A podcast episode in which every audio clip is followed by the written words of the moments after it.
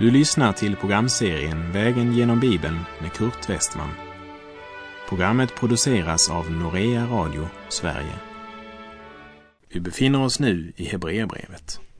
Slå gärna upp din bibel och följ med.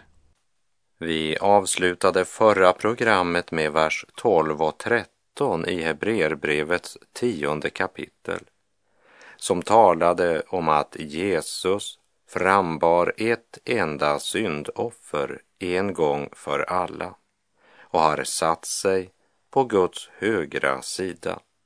Där väntar han nu på att hans fiender ska läggas som en pall under hans fötter. Och vi fortsätter och läser Hebreerbrevet 10, vers 14.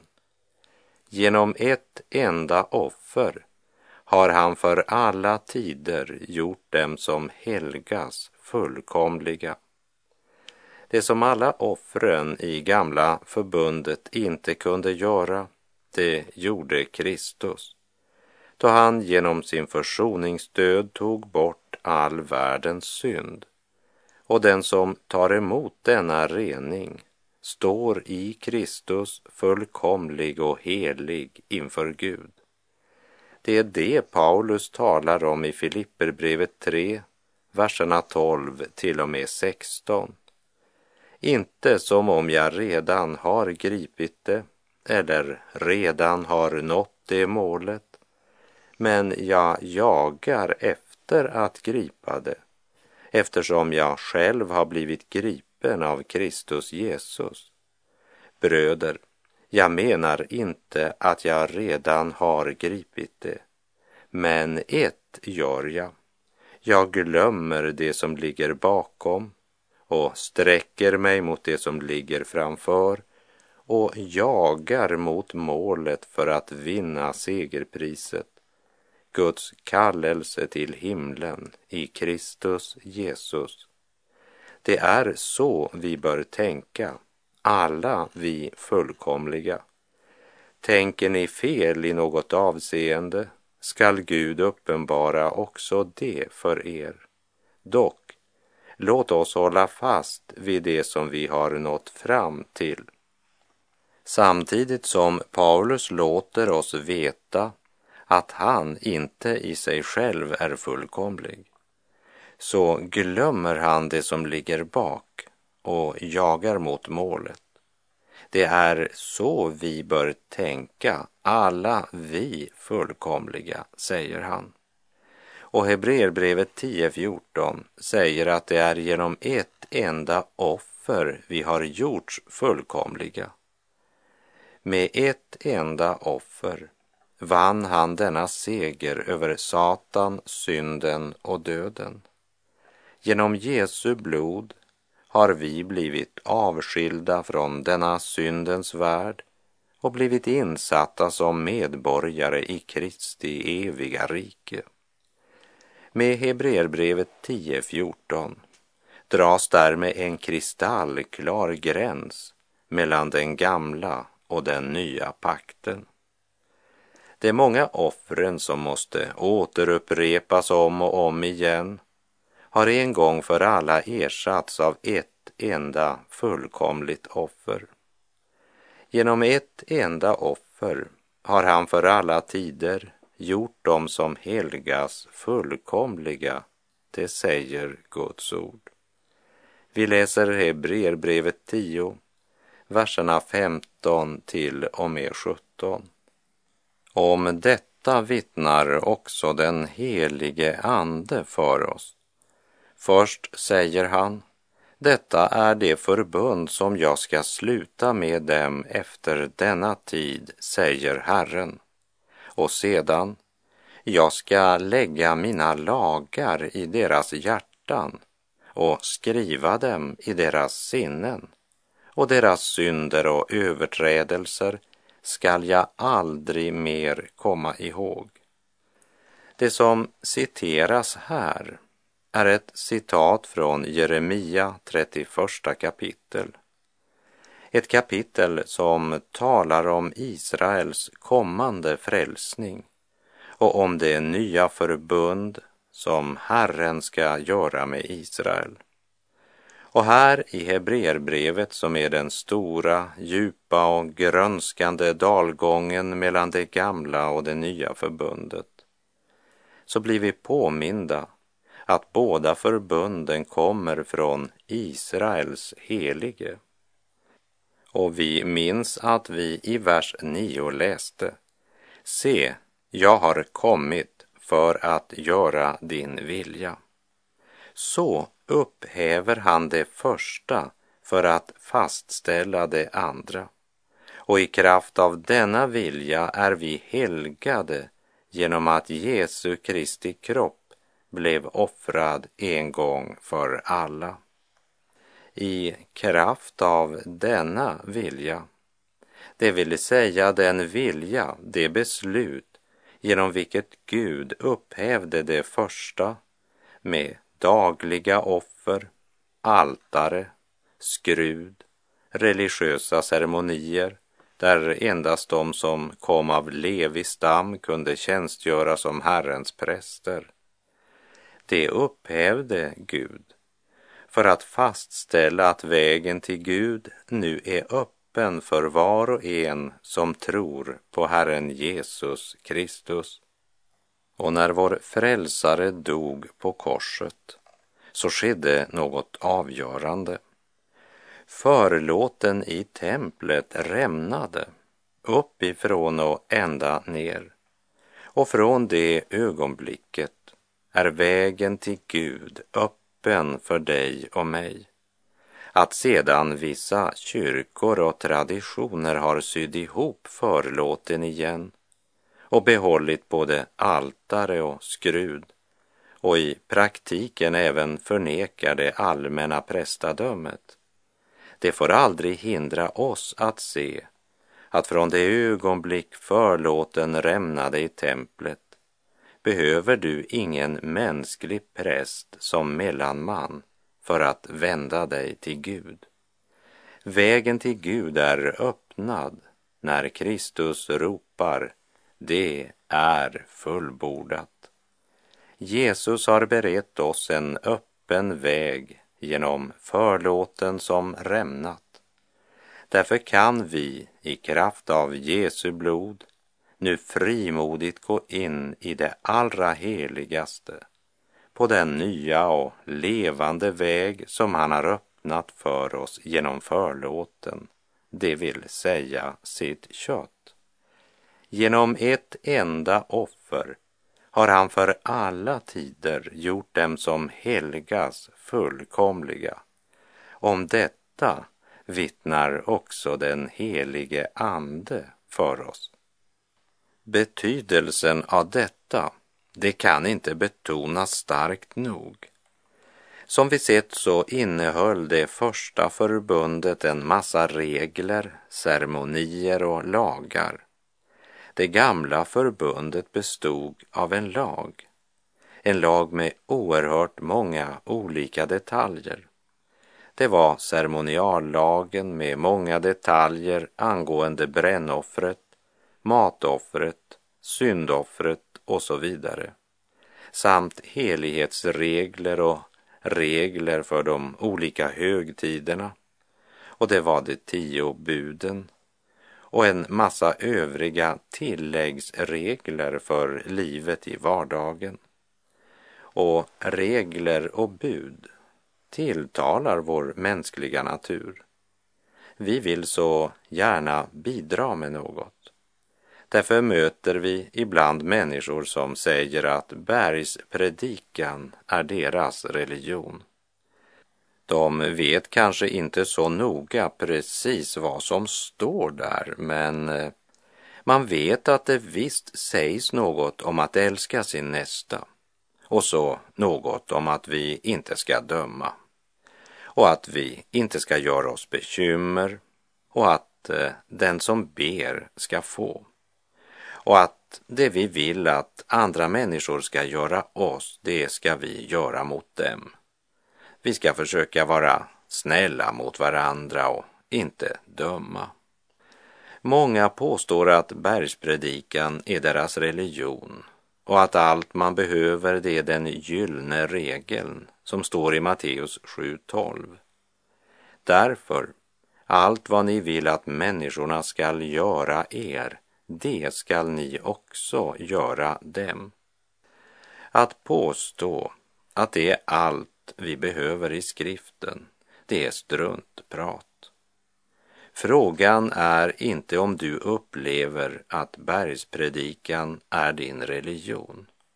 Frågan är, lever du efter den? Det är frågan. Du finner inte evangeliet i bergspredikan. Och det är väl orsaken till att så många människor önskar att proklamera bergspredikan som sin religion. Och förkunnelsen av den doktrinen har skapat fler hycklare i kyrka och församling än någonting annat. Människan kunde inte hålla lagen i Gamla testamentet. Hur skulle hon då kunna hålla bergspredikan, som är lagen upphöjd till ett ännu högre plan? Det nya förbundet det är på allt sätt annorlunda. I Andra Korinthierbrevet 3, vers 6 står det han har gjort oss dugliga till att vara tjänare åt ett nytt förbund som inte är bokstavens utan andens. Ty bokstaven dödar, men anden ger liv.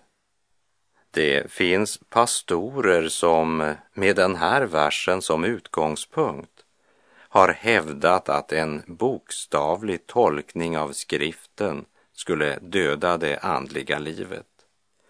Att påstå något sådant avslöjar bara att man inte vet vad man pratar om.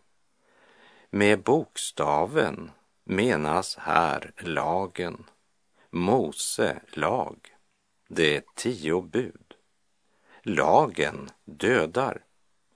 Bokstäverna som Guds finger skrev på de två stentavlorna dömde människan. Men, säger Paulus, Gud har gjort oss dugliga till att vara Nya testamentets predikanter. Ett nytt förbund som inte är bokstavens utan andens. Det vill säga som inte är lagens utan andens. Du kan inte bli frälst genom lagen. Lagen uppenbarar Guds helighet och den uppenbarar din och min synd. Lagen är den spegel som gör att vi ser att vi är smutsiga.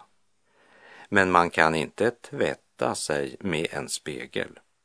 Därför behöver vi Jesus. Han är medlaren för ett nytt förbund. I Johannes första brev kapitel 1 och vers 9 står det om vi bekänner våra synder är han trofast och rättfärdig så att han förlåter oss våra synder och renar oss från all orättfärdighet. Vi läser Hebreerbrevet 10, vers 18. Och där synderna är förlåtna behövs det inte längre något syndoffer.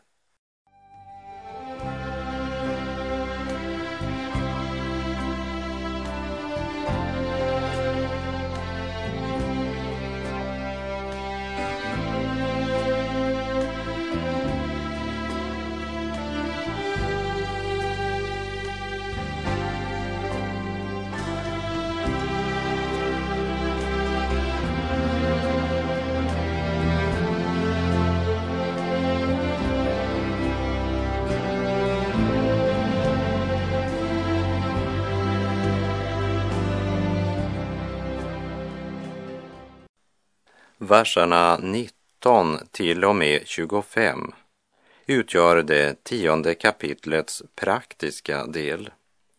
Här talas både om Guds barns privilegium samt det ansvar som är en konsekvens av att leva i Guds nåds privilegier. Med Guds nåd följer också ett stort ansvar. Hebreerbrevet 10, vers 19 19 och 20. Bröder, I kraft av Jesu blod kan vi nu frimodigt gå in i det allra heligaste på den nya och levande väg som han har öppnat för oss genom förlåten, det vill säga sitt kött. Det är stor skillnad på arrogans och på frimodighet. Ordet som här översatts med frimodighet är det grekiska ordet paresia som egentligen betyder att säga allt. Det vill säga inte dölja något, inte ha någon hemlighet, utan tala helt öppet med Gud om allt i vårt liv. Det är den frimodighet vi har. Och hur har vi fått den? Jo, i kraft av Jesu blod. Det är alltså inte en frimodighet som vi själva måste skaffa oss. Denna frimodighet är inte en prestation utan en gåva. Vi har den redan i kraft av Jesu blod. I kraft av Jesu blod kan vi nu frimodigt gå in i det allra heligaste på den nya och levande väg som han har öppnat för oss. Den är ny. Den existerade inte under den gamla pakten. Och den är levande, det vill säga denna väg är en person. Och ordet levande betyder här något mera än bara att han lever. Men han kommer alltid att förbli levande. Han har besegrat döden och därför kan han säga Jag är uppståndelsen och livet. Den som tror på mig skall leva om han än dör. Hebreerbrevet 10.21 sammanfattar det med orden vi har en stor präst över Guds hus. Vilken underbar gudomlig sanning. Vi har en talsman, en advokat som tar sig an vår sak inför Fadern. Jesus Kristus, den rättfärdige, som alltid lever för att bära oss på förbönens armar inför nådens tron. Vi läser Hebreerbrevet 10, vers 22. Låt oss därför med uppriktigt hjärta gå fram i full trosvisshet, med ett hjärta som är renat från ett ont samvete och med en kropp som är badad i rent vatten. Här talas om det allmänna prästadömet.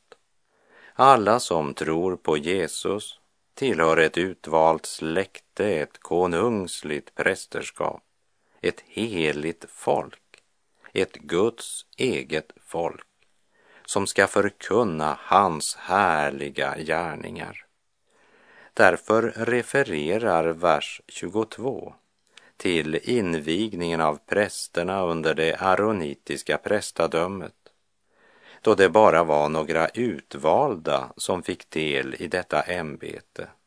Och när de invigdes skulle Mose föra dem fram till uppenbarelsetältets ingång och tvätta dem med vatten. En process som skulle påminna dem att de hade avskilts och helgats till att tjäna Herren. Och det var inte något som de själva gjorde. Samtidigt måste de vara villiga att låta Gud göra detta med dem för att senare kunna tjäna honom. Trons fulla visshet handlar inte om självsäkerhet. Tvärtom. Endast den som förlorat tron på sig själv kommer med ett uppriktigt hjärta, för han försöker inte längre dölja något. Trosvissheten den mäts inte efter hur stark känslan är, utan vissheten består i att man tror att Jesu fullbordade verk är nog för alla som vill komma. Det handlar alltså inte om den mängd av tro som du har, men det handlar om honom som du tror på. Talar han sant? Har han makt att hålla vad han har lovat? Din tro är så stark som han är, han som du tror på. Låt oss därför med uppriktigt hjärta gå fram i full trosvisshet med ett hjärta som är renat från ett ont samvete och med en kropp som är badad i rent vatten. Ett hjärta som är renat från ett ont samvete. Innan Gud tar itu med saken har vi alltså ett ont samvete. Shakespeare sa att ett gott samvete är lika bra som tusen svärd. Samtidigt så måste det sägas att efter syndafallet så finns det väl inte något som är mera elastiskt än samvetet. Och därför att våra samveten fördunklas av synden så kan samvetet få ro på två sätt. Det ena, det är genom att renas i Jesu blod. Det andra sättet, det är att låta synden döda samvetet. Då kan man också få en form för ro. Det är eh, samma ro som på kyrkogården, dödens ro. Men den ron, den tar ju hastigt slut på domens dag. Och då är det för sent när man upptäcker att man står med dödsskuld inför Gud medan nu nådatiden är slut. Är ditt samvete oroligt? Ja, då är det Gud som klappar på ditt hjärtas dörr. Låt hans ord och hans helige ande lysa in i ditt hjärta. För ett samvete utan Gud är som en domstol utan domare. Johannes skriver i sitt första brev kapitel 1, verserna 5 till och med 9. Detta är det budskap som vi har hört från honom och som vi förkunnar för er. Att Gud är ljus och att inget mörker finns i honom. Om vi säger att vi har gemenskap med honom och vandrar i mörkret så ljuger vi och handlar inte efter sanningen. Men om vi vandrar i ljuset liksom han är i ljuset så har vi gemenskap med varandra. Och Jesu, hans sons blod, renar oss från all synd. Om vi säger att vi inte har synd bedrar vi oss själva och sanningen finns inte i oss. Om vi bekänner våra synder är han trofast och rättfärdig så att han förlåter oss våra synder och renar oss från all orättfärdighet. Det handlar om att vandra och leva i ljuset. Det ljus som vi normalt gläder oss över det kan ju upplevas som något förfärligt om vi varit länge i mörker. Jag minns en händelse från den tid jag gick i småskolan. Vinternätterna kunde sannerligen vara mörka i Västerbotten. Och där jag låg i mitt kolmörka rum kommer plötsligt mor in och tänder lampan i taket med de två 60 wattslamporna som gör mitt rum så ljust att jag känner smärta och det rinner ur ögonen. Och irriterat skriker jag släck ljuset, släck ljuset. Varför var ljuset så förfärligt för mig? Varför kunde jag inte öppna ögonen när ljuset var tänt? Varför rann det ur ögonen? Jo, jag hade varit i kolmörker så länge att mina ögon inte längre tålde ljuset. Men i en sådan situation så är ju lösningen inte att släcka ljuset, men att vänja sig vid ljuset. Det är inte ljuset som är så förfärligt, men det är ögat som har vistats för länge i mörkret.